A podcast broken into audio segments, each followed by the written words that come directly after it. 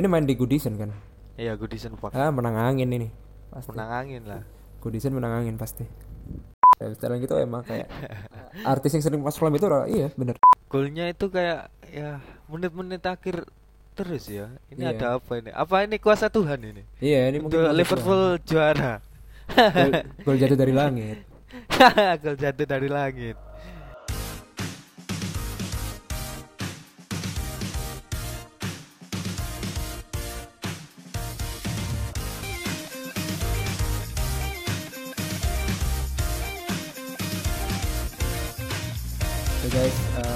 Balik lagi di Titik Putih Podcast edisi yang kelima.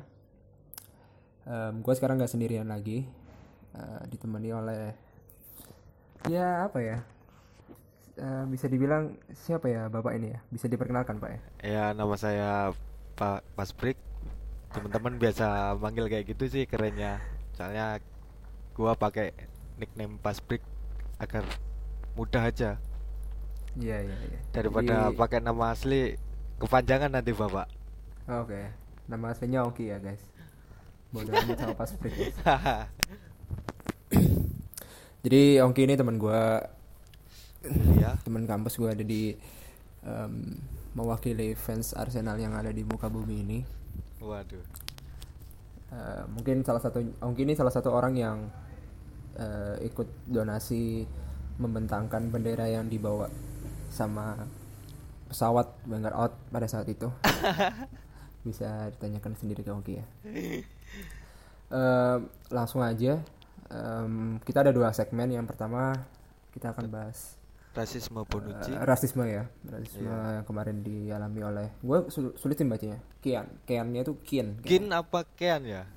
moisnya itu juga apa ya mois itu kan musa sih tapi Ya, bahasanya, Musa. bahasanya ba- bahas bacanya gue juga bingung Em, itu aja. Terus yang kedua kita bakal ngulik banget bagaimana sih eh, apa ya fenomena Emery Ball dalam musim ini di Arsenal itu kayak gimana.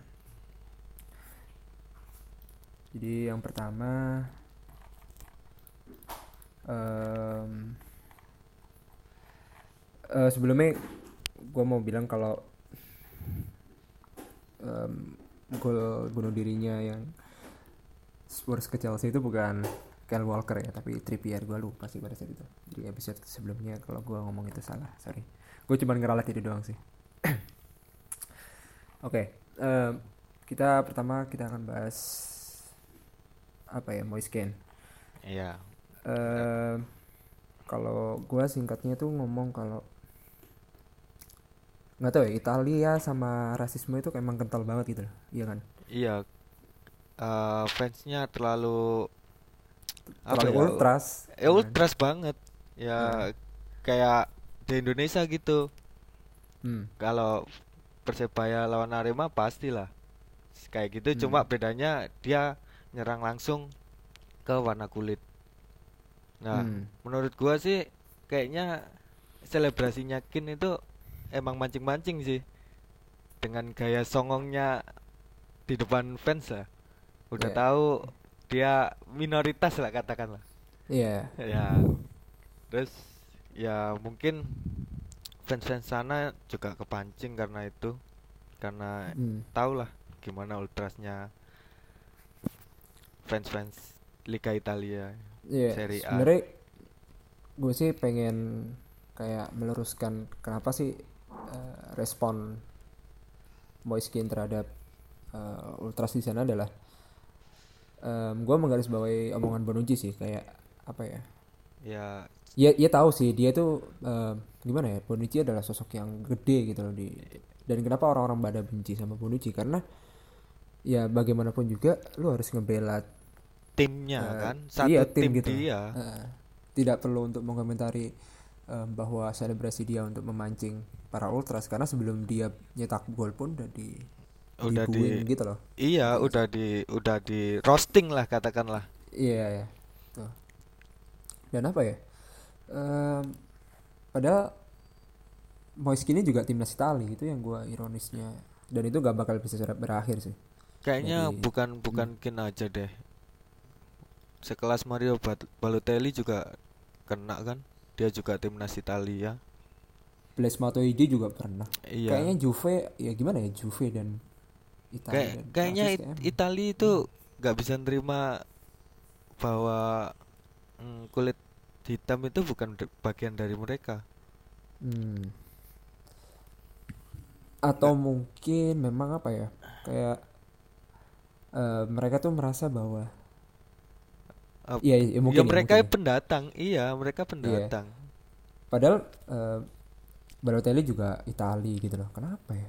iya nggak tahu Dan mungkin itu mungkin eh, udah iya udah sih. mendarat daging sih dari dari sononya Mm-mm, dan harusnya sih apa ya kalau menurut gua kayak wasitnya tuh harus bisa menengahi gitu loh. Yang setahu gua tuh di mana ya? Ada ada match tentang rasisme yang ditengahi wasit nggak ada ada ada ada. Gua tahu tuh kayak di Belanda. Jadi di Belanda tuh kayak ada misalkan lo itu eh, salah satu pelaku untuk meng- mencemooh salah satu pemain di lapangan dan itu kedengaran sama wasit itu dihentikan. harusnya Dan- sih seperti itu ada peraturannya seperti itu sih Iya, maksudnya kayak kayak apa ya, ka- kayak gini-gini nih malah yang ngebela tuh kok sesama kulit hitam. Malah harusnya tuh kulit putih tuh ikut ikut adil iya. ya. Mm-mm, ini yang gua heran sih. Di Eropa emang. Ya menurut gua sih masih di Eropa. Ya meskipun di Indo juga ada gitu. Sampai Raheem Sterling juga angkat bicara ikut-ikutan kan ya. iya karena sebelumnya ikut-ikutan. juga selain Raheem Sterling kan Sonode yang pas lawan Montenegro itu juga kena sih. Apalagi Raheem Sterling. Raheem Sterling itu kayak ibarat dia itu ser- artis yang sering masuk lambe tura sih. Raheem Sterling itu emang kayak artis yang sering masuk lambe tura iya bener. Iya. apalagi yang pas dia bikin tato pistol di kakinya Iya. itu kan itu juga kena. Nggak tahu ya media banget. Itu emang ngincar Raheem Sterling pas dia ngebeliin rumah buat keluarganya dikira bukan dikira sih tulisan headline dari korannya itu ngomong inilah anak hedon yang akhirnya membelikan rumah oh, ke keluarganya. What? Kayak apa ya emang. Ya menurut gua the best way to respond rasis ya ya nggak Ya. ada caranya gitu ya. Caranya lo harus ya udah. Ya edukasi ke ya itu edukasi memang perlu sih gitu. Perlu. Cuma Hmm. ya saking ultrasnya gitu loh. Mm-mm. Jadi kalau ada teman lo yang merasa ultras banget sama em, salah satu klub di Itali mah, lo belum pernah masuk ke kerumunan ultras mereka. Mungkin lo nggak dianggap, mungkin lo diinjek-injek anjir. kayak emang maksudnya, iya kan? Maksudnya Iya. siapa gitu loh. Jangan sok-sokan kayak garis keras gitu kalau belum pernah melakukan rasisme. Kalau lo nggak ikutan rasisme. ya sama aja gitu. Ngapain juga lo Iya, jadi garis fans keras. biasa Hmm. Em, itu aja sih. Eh, mungkin salah satu why always me-nya Balotelli juga oh ya sebenarnya menggambarkan bukan karena dia yang mencetak gol, kenapa gue yang harus mencetak gol, tapi lebih ke kenapa gue yang kena iya cemoohan gitu. Itu sih. oh ya pak kemarin Premier League ngat apa ngasih simbol itu no, no room for racism kan Iya. iya, sampai iya. dibikin kayak gitu nggak ngaruh tapi kan? Ki- tapi kick it out, enggak gitu-gitu enggak nggak enggak ngaruh. bahkan di Itali pun enggak enggak nampak seheboh itu loh daripada Liga Premier gitu loh Iya. ada apa ada apa Hmm. nih Mm-mm. Dia emang kental banget di sana itu emang sampai apa ya? Sampai orang-orang di sana pun emang kayaknya sih orang orang Italia juga masih kurang edukasi ya sa- ya gimana ya sekelas Bonucci pun aja masih meremehkan hal itu. Malah dia ngomong ini masalah 50-50. Gitu. masalah antara selebrasi atau emang iya, ultrasnya karena- seperti mm-mm. itu Antaranya mungkin- antara lu ngundang mungkin bonus Bonucci-nya merasa ini tuh udah biasa di sini ngapain Hmm. sih di- diributin gitu mm, iya Itu kan- karena dia dia itu kan sampai ke situ kan aja. harusnya hal aneh. gitu. Iya hal aneh ibarat kayak hal buruk tetap aja dilakuin gitu udah tahu Hmm. buruk tetap aja di dijalanin gitu loh Iya, itu yang gimana ya? sampah Emang- banget ya Emang Italia emang apa ya? Satunya. Ya atau kaum babar di mereka itu barbar anti imigran mereka itu emang anti migran banget ya ini kayaknya nggak pernah berakhir sih karena menurut gua em, Ya mungkin Salah. berakhir cuma butuh proses yang agak panjang gitu. agak panjang dan emang kayaknya emang Itali doang gitu loh yang lainnya udah mulai mulai mereda gitu. Meskipun beberapa hal kayak kemarin sih pernah di eh, dialamin sama si penjaga bar gitu kan. Iya. yang Chelsea fan Chelsea di mana itu? Kalau yang punya bar itu ternyata muslim terus dihancurin barnya itu. Itu juga salah satu hal yang disgusting sih menurut gue Em, apa lagi ya? Itu aja sih kayak mungkin ada tambahan bapak Tambahnya nggak ada sih. Udah gua keluarin semua di sana Hmm, tadi. dan ya xenotu rasis harus tetap digaungkan sampai Digaungkan. mereka harus sadar Sampai benar-benar mereka sadar. Iya. Oke. Em, kita mau bahas yang lagi hangat-hangatnya lah. The Power of Midweek. Ini biasanya waduh. em, opini tidak populer ya. Eh, midweek itu biasanya banyak yang kalah sih. Banyak yang kalah. Tim-tim gede itu biasanya kalah. Dan kemarin kayak Banyak yang kejadian, nggak tahu jelas juga. kalau MU itu dianggap tim gede atau enggak ya? Ya, seperti apa yang gua bilang di episode sebelumnya, kalau emang preview dari Wolves sama MU itu, Wolves ini emang nggak bisa di nggak bisa Nggak pandang sebelah mata. Bapak Nuno, Wah, Bapak. ini Bapak Nuno ini emang sangar gitu. Gimana menurut Bapak? Wolves 2-1. Wolf 21. Emang Hmm. pantes sih. MU kan udah dibilang MU itu main jelek. Hmm. MU main jelek cuma kayak hoki aja sih. Beberapa kali menang. Contoh kayak main sama apa ya? Hmm, mana mana. Oh ya, pas ketika lawan eh Soton Hmm. waktu pertandingan 29 -an. Hmm. itu main jelek tapi menang hoki udah nggak nggak nggak ada impresifnya permainannya cuma Hmm. Kayak masa honeymoonnya udah habis ya sama iya setelah kalah dari Arsenal nih Hmm. mulai dah Mulai mulai oleng Hmm. ini buktinya habis kalah musuh Watford di 3-2 nya menang 2-1 kan di kandang Hmm. Lagi-lagi Phil Jones. Meskipun Iya. Phil Jones mendapatkan video eh, klip-klip terbaru Instagram buat lelucon sih. wah emang mukanya nggak Hmm. teli emang mukanya. Karena emang apa ya, Wolves itu ya golnya juga dari Diego Jota anjir. bukan Betul. bukan Wolf aja lawan Watford itu di kandang dia loh cuma ngasilin 8 shoot Hmm. On targetnya cuma 5 coba bayangin. Ini main di kandang loh. Tapi tetap aja menang. Gak kurang hoki apa ini? Iya. Dan emang apa ya? Ya udah menurut gue sih eh, ya mainnya biasa-biasa aja. Mm-mm.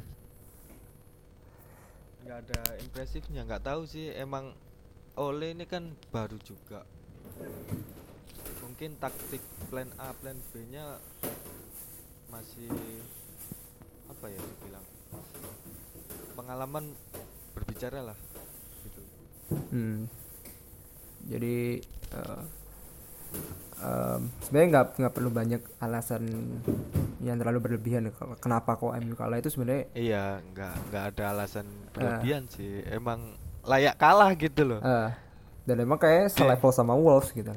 Iya. Maksud gue kedua kedua pem- eh, kedua tim juga itu karena gue lihat live itu ya biasa aja gitu karena Wolves aja yang bisa bisa memanfaatkan iya. peluang aja sih Peluang, lebih iya. bisa memanfaatkan peluang.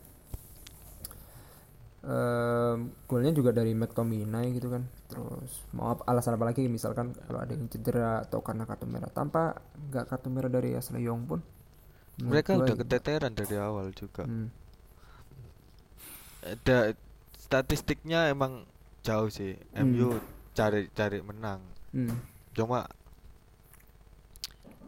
ya ya udah segitu aja nggak Hmm. nggak bisa apa ya hmm, memanfaatkan kondisi lagi cari gol itu aja hmm. nggak tahu emang strateginya nggak jalan atau emang gara-gara Young juga karena menurutku sih ta- apa adanya Young juga nggak berpengaruh banyak sama aja. Hmm. ya ya oke lah. Maksud gua em, ya itulah lawan Big Six itu Wolves itu emang sabi sih. Ah. Luto Espirito Espirito siapa sih? Tukang tikung dia. Anak Roh Kudus anak roh kudus nggak tuh? Ya, itu. itu emang apa ya udah keren banget sih. Dan em, ya semoga bisa menjaga Liverpool di di titik terakhir ya. Itu yang kita Iya. sesuai lah sama episode yang gua bilang kalau Wolves ini nggak bisa diapa-apain dan em, salah satu caretaker yang udah dikasih kontrak menjadi manajer permanen itu biasanya Oleng. Salah satu contohnya ya Solari itu yang di Real Madrid. Solari dulu ya udah selesai Zidane harus balik gitu sama aja ini nggak tahu juga kalau yang oleh kalaupun masih dipertahan dipertahankan mereka harus kayak invest pemain gitu loh kenapa kayak sekelas Pogba yang menurut gua eh, Wow bukan banget. bukan kenapa banyak orang bilang merasa nggak setuju kalau Pogba itu nggak konsisten ya gimana ya kalau alasan gue tuh merasa bahwa Pogba itu nggak konsisten karena eh, tidak konsisten sebagai world class player sih. Jadi Baik. dari sangat bagus, nggak konsistennya jadi bagus gitu lah. Turun Iya. bawa dua kasta satu kasta gitu lah. Jadi kayak biasa-biasa aja gitu. Nggak nggak terlalu bagus gitu. atau mungkin pengaruh taktiknya juga ke bawah Mourinho dulu Iya sih. makanya performanya juga turun Hmm. Itu yang mungkin juga salah satunya sih. Em apalagi ya Watford Fulham 4-1 Fulham 4-1. akhirnya degradasi menyusul siapa satunya itu? Huddersfield Iya, Huddersfield, Cardiff. udah fix ya Cardiff ini masih Oke. ada asa Hmm, buat nyalip Burnley Terus tapi kita lihat Burnley ini bentar pak Chelsea Brighton 3-0. Akhirnya Hudson Odoi start. Sari akhirnya nggak kepala batu kan. Gua sih berani sih kalau ini kan besok lawan Liverpool ya. Eh, semingguan lagi tuh lawan Liverpool. Jadi gua berani jamin pakai squad yang aneh-aneh biasanya tuh menang. Orang dulu Chelsea Liverpool itu di kandangnya Liverpool. Thomas Kala main anjir. Itu kan dia bisa menang dua ini tanggal 14 besok Hmm. Liverpool Chelsea semoga aja Chelsea bisa jaga Liverpool Iyalah harusnya. Seenggaknya imbang aja udah cukup jaga Iya. S- em, Spurs, Palace yang gua eh, episode sebelumnya gua bilang kalau Palace kadang angin-anginan tapi nggak nggak berhasil untuk nggak nggak ketebak juga nggak ketebak juga dan Son Heung-min menorehkan apa ya naruh batu pertama sebagai pencetak gol di pencetak gol kandang barunya Spurs. ya yang kayak toilet itu ya bapak Waduh. Em, ada yang bilang, eh bukan ada yang bilang. Eden Hazard, Eden Hazard bilang, gue sih merasa ya bangga sih Spurs punya stadion baru. Iya Cuman karena manajemennya Jangan sampai juga. mereka punya trofi baru. wah jangan sampai itu Dan itu akan selalu berjalan. Iya. lah. dari kemarin padahal mereka itu harusnya bisa apa diunggulkan di awal ternyata ya udah Spurs gitu-gitu aja Ya emang kayak aja. gitu. Memang Ya bukan udah, salah satu persaingan. iya Mau gimana lagi gitu. Dari selisih Arsenal kapan ya? Fe- Februari atau Januari itu 12 selisih 10 12 10 poinan lah. Sekarang 64 63 selisih satu Tapi masih poin nyimpen satu, sekarang. Iya Arsenal. Arsenal masih nyimpen satu. Hmm, em, terus Man City Cardiff 2-0 ya udahlah ya. ya udahlah. Mungkin ada ini enggak ada tambahan ada tambahan eh, menurutku sih nggak ada yang gantiin Aguero sih di City karena kemarin Gabriel Jesus juga mainnya parah banget dilihat dari peluang yang harusnya bisa gol ngotot itu loh Hmm. harusnya bisa di back pass ke siapa Kevin De Bruyne Hmm. tapi milih shot sendiri nggak tahu egois apa cari gol atau gimana Ya emang kalau aja sih dia. Tapi menurutku Aguero itu belum ada yang gantiin di iyalah. City. sebenarnya Aguero menurut gua levelnya sa- bisa disejajarkan sama Ronaldo Messi sih kalau gua ngomong sekarang.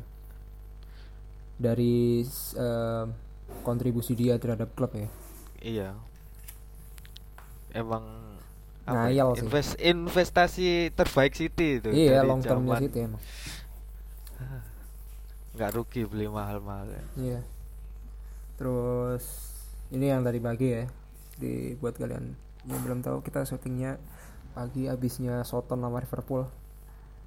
nah ini yang Liverpool harusnya ini long itu udah bagus golnya terus kekejar lagi tuh gua nggak tahu lagi sih. lagi Dan emang Yes. di preview sebelumnya gue bilang kalau Liverpool sekarang itu sulit untuk clean sheet karena emang kayak gimana ya semua ya apa ya Liverpool versus everyone sih siapa pun pengen menjaga siapa pun pengen soalnya Hmm. iya. Tapi- akhirnya salah nyetak tapi balik lagi. iya. Golnya itu kayak ya menit-menit akhir terus ya. Ini Iya. ada apa ini? Apa ini kuasa Tuhan ini? Iya ini mungkin Liverpool juara. Gol, gol jatuh dari langit. Gol jatuh dari langit. Enggak enggak. Em, eh, ada kontroversial sih. Gol gol pertama Nabi Keita itu harusnya sih offset tapi ya udahlah ya biasa Ya aja udahlah. orang Chelsea kemarin juga dimanfaatin kan Eh, Orang di, Chelsea dikasih kemarin ya dikasih Hmm. wasit nunggu aja VAR-nya ini kepasang aja sih itu padahal jelas banget itu Hmm. harusnya sih kelihatan sih cuma ketutupan William Hmm. itu mau gimana. soalnya apa ya Intel Intel True View-nya tuh masih dipasang di Old Trafford sih yang bisa ngeli- ngeliatin dari mata wasit gitu ya semoga musim depan bisa bisa Bisa segera semuanya. iya Em, Untuk masalah VAR sih kayaknya kalau dipasang itu kayak seninya berkurang nggak sih? ya gimana pak ya Ya, emang sering berkurang tapi kan fair tingkat fair play menurut Fair play-nya. Iya, cuma seninya itu yang agak gimana gitu.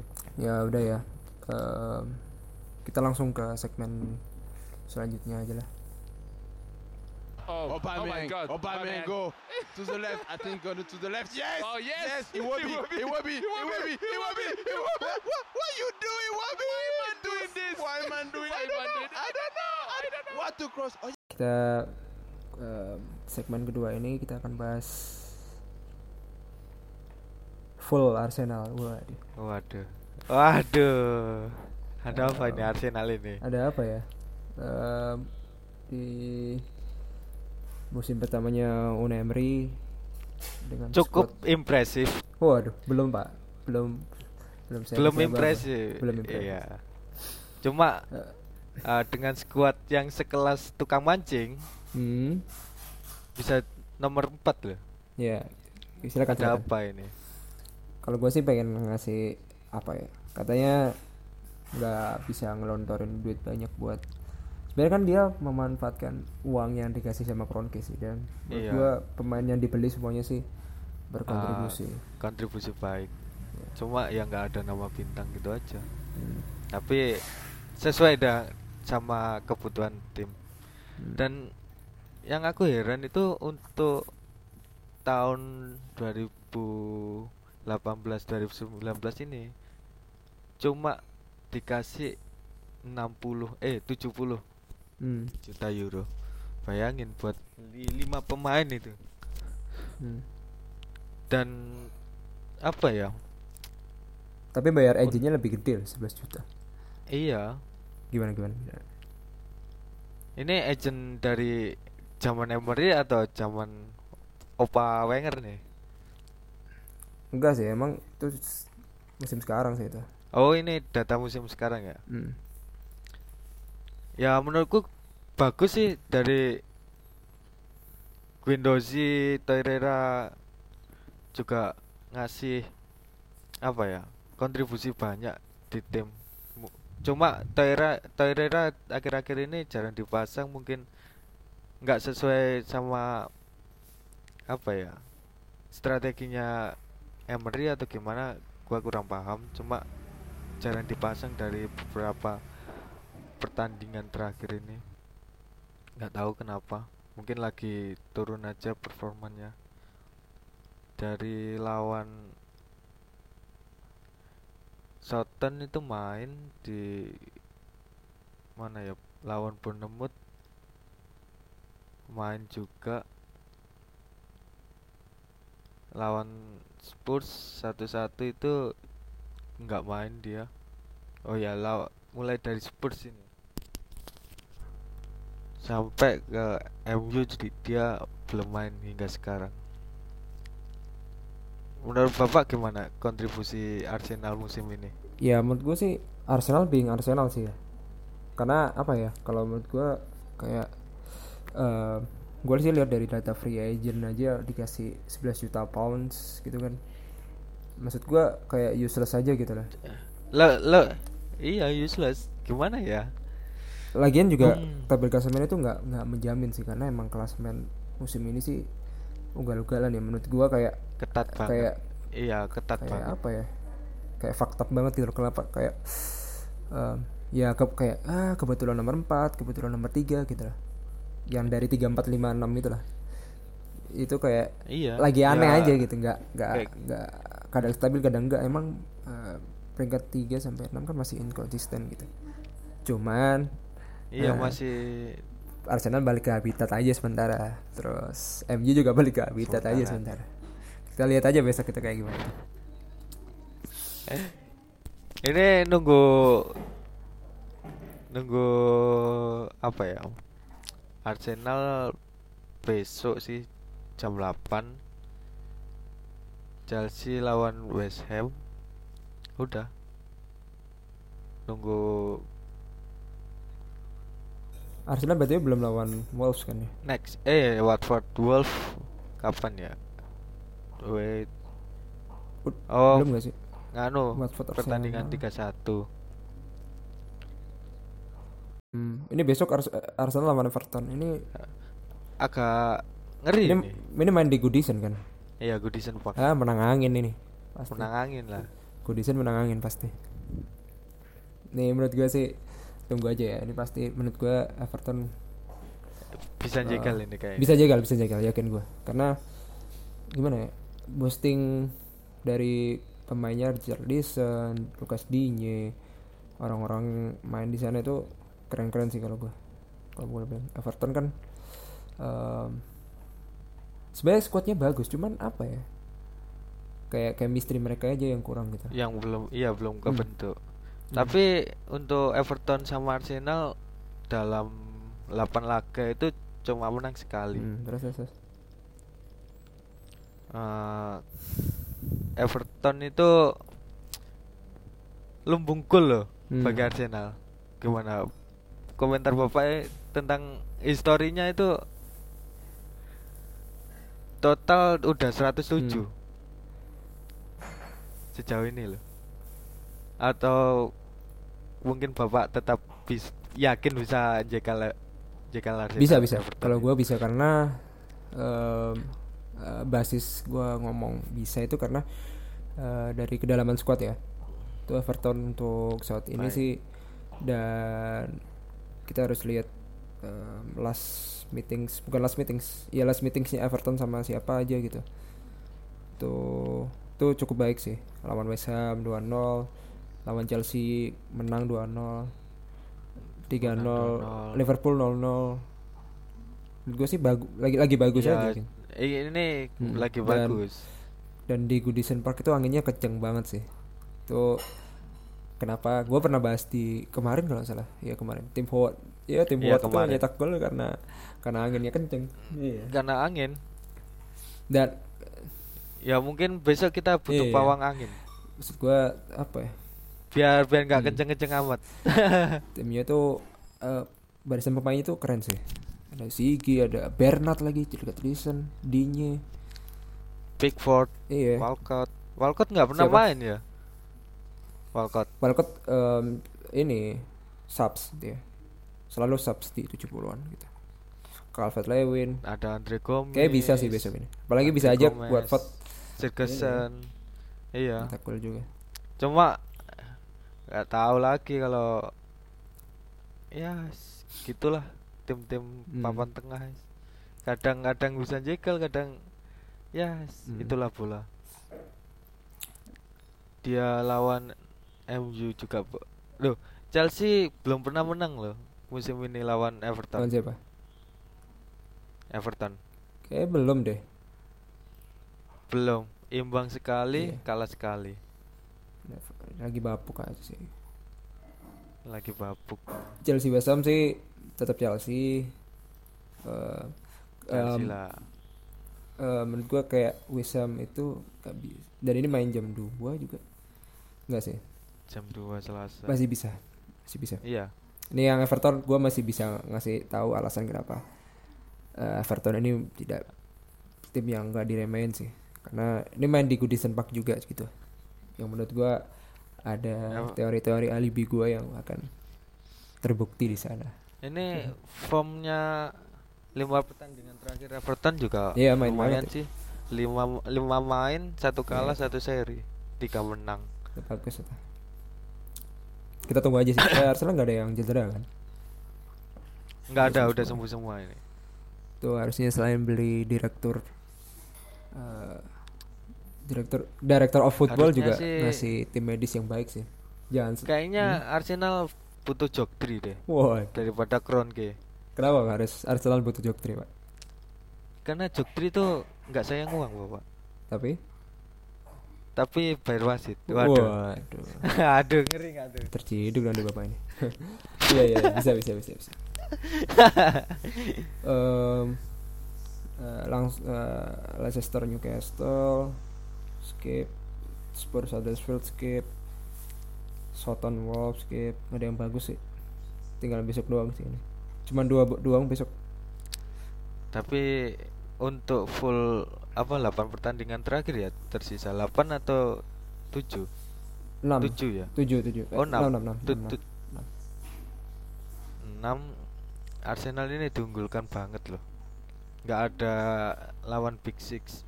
Nggak ada emang nggak ada lawan Six cuman tandangnya tiga kali itu sih Tandangnya tiga kali Hmm. ya.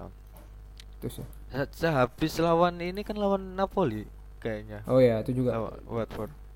juga ada ada Oh ya, balik lagi ke soal scouting kayaknya emang di zaman Wenger juga aneh. kenapa aneh Lihat sekelas Gnabry sekarang dibayar kayak gitu. Dia dia bisa dribbling lewat Van Dijk loh. hmm. Kemarin Jerman Belanda itu. Tapi di Arsenal nggak kepake. Hmm. Dan yang kepake malah tukang mancing. Gimana Wah. coba? itu bisa aja sih Terus dari Sesni juga dari siapa lagi ya yang dibuang Wenger itu?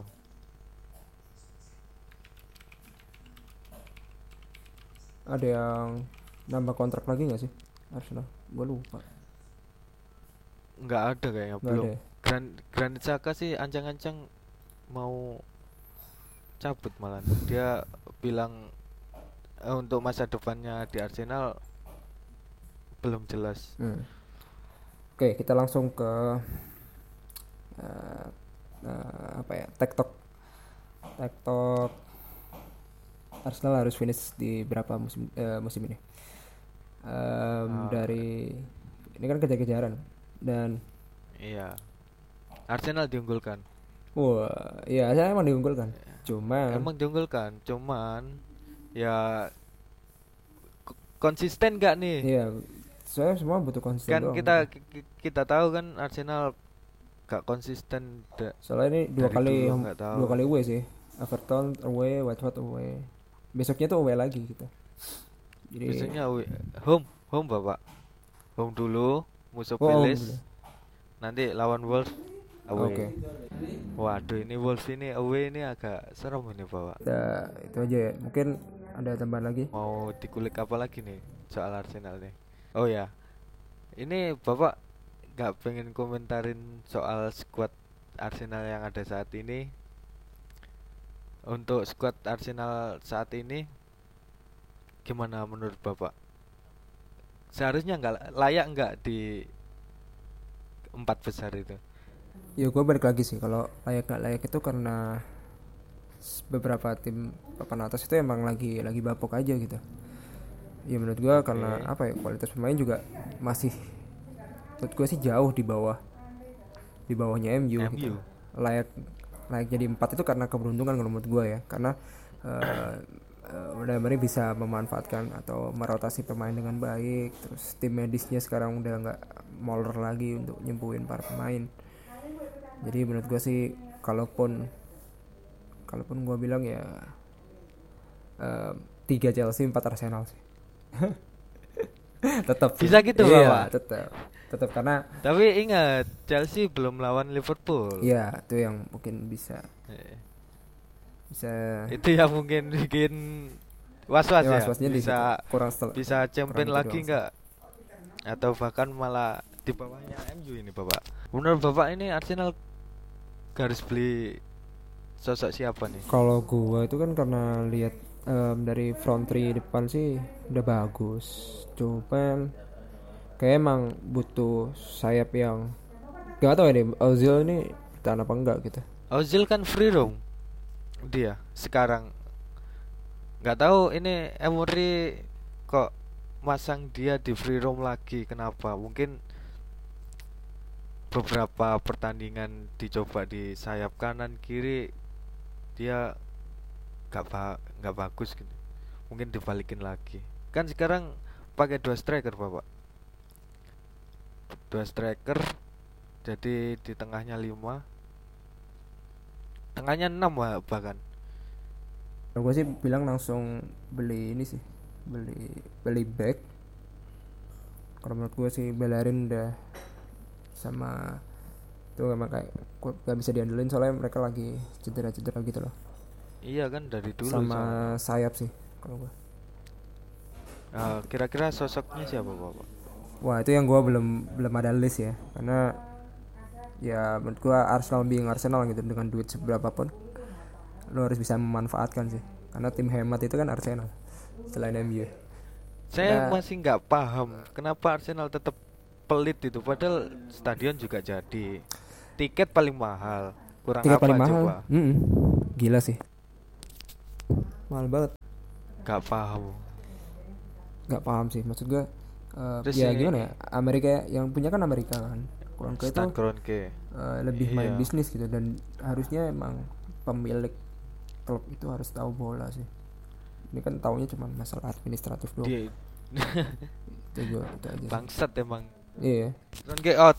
Kroenke out gitu lagian juga dia punya klub.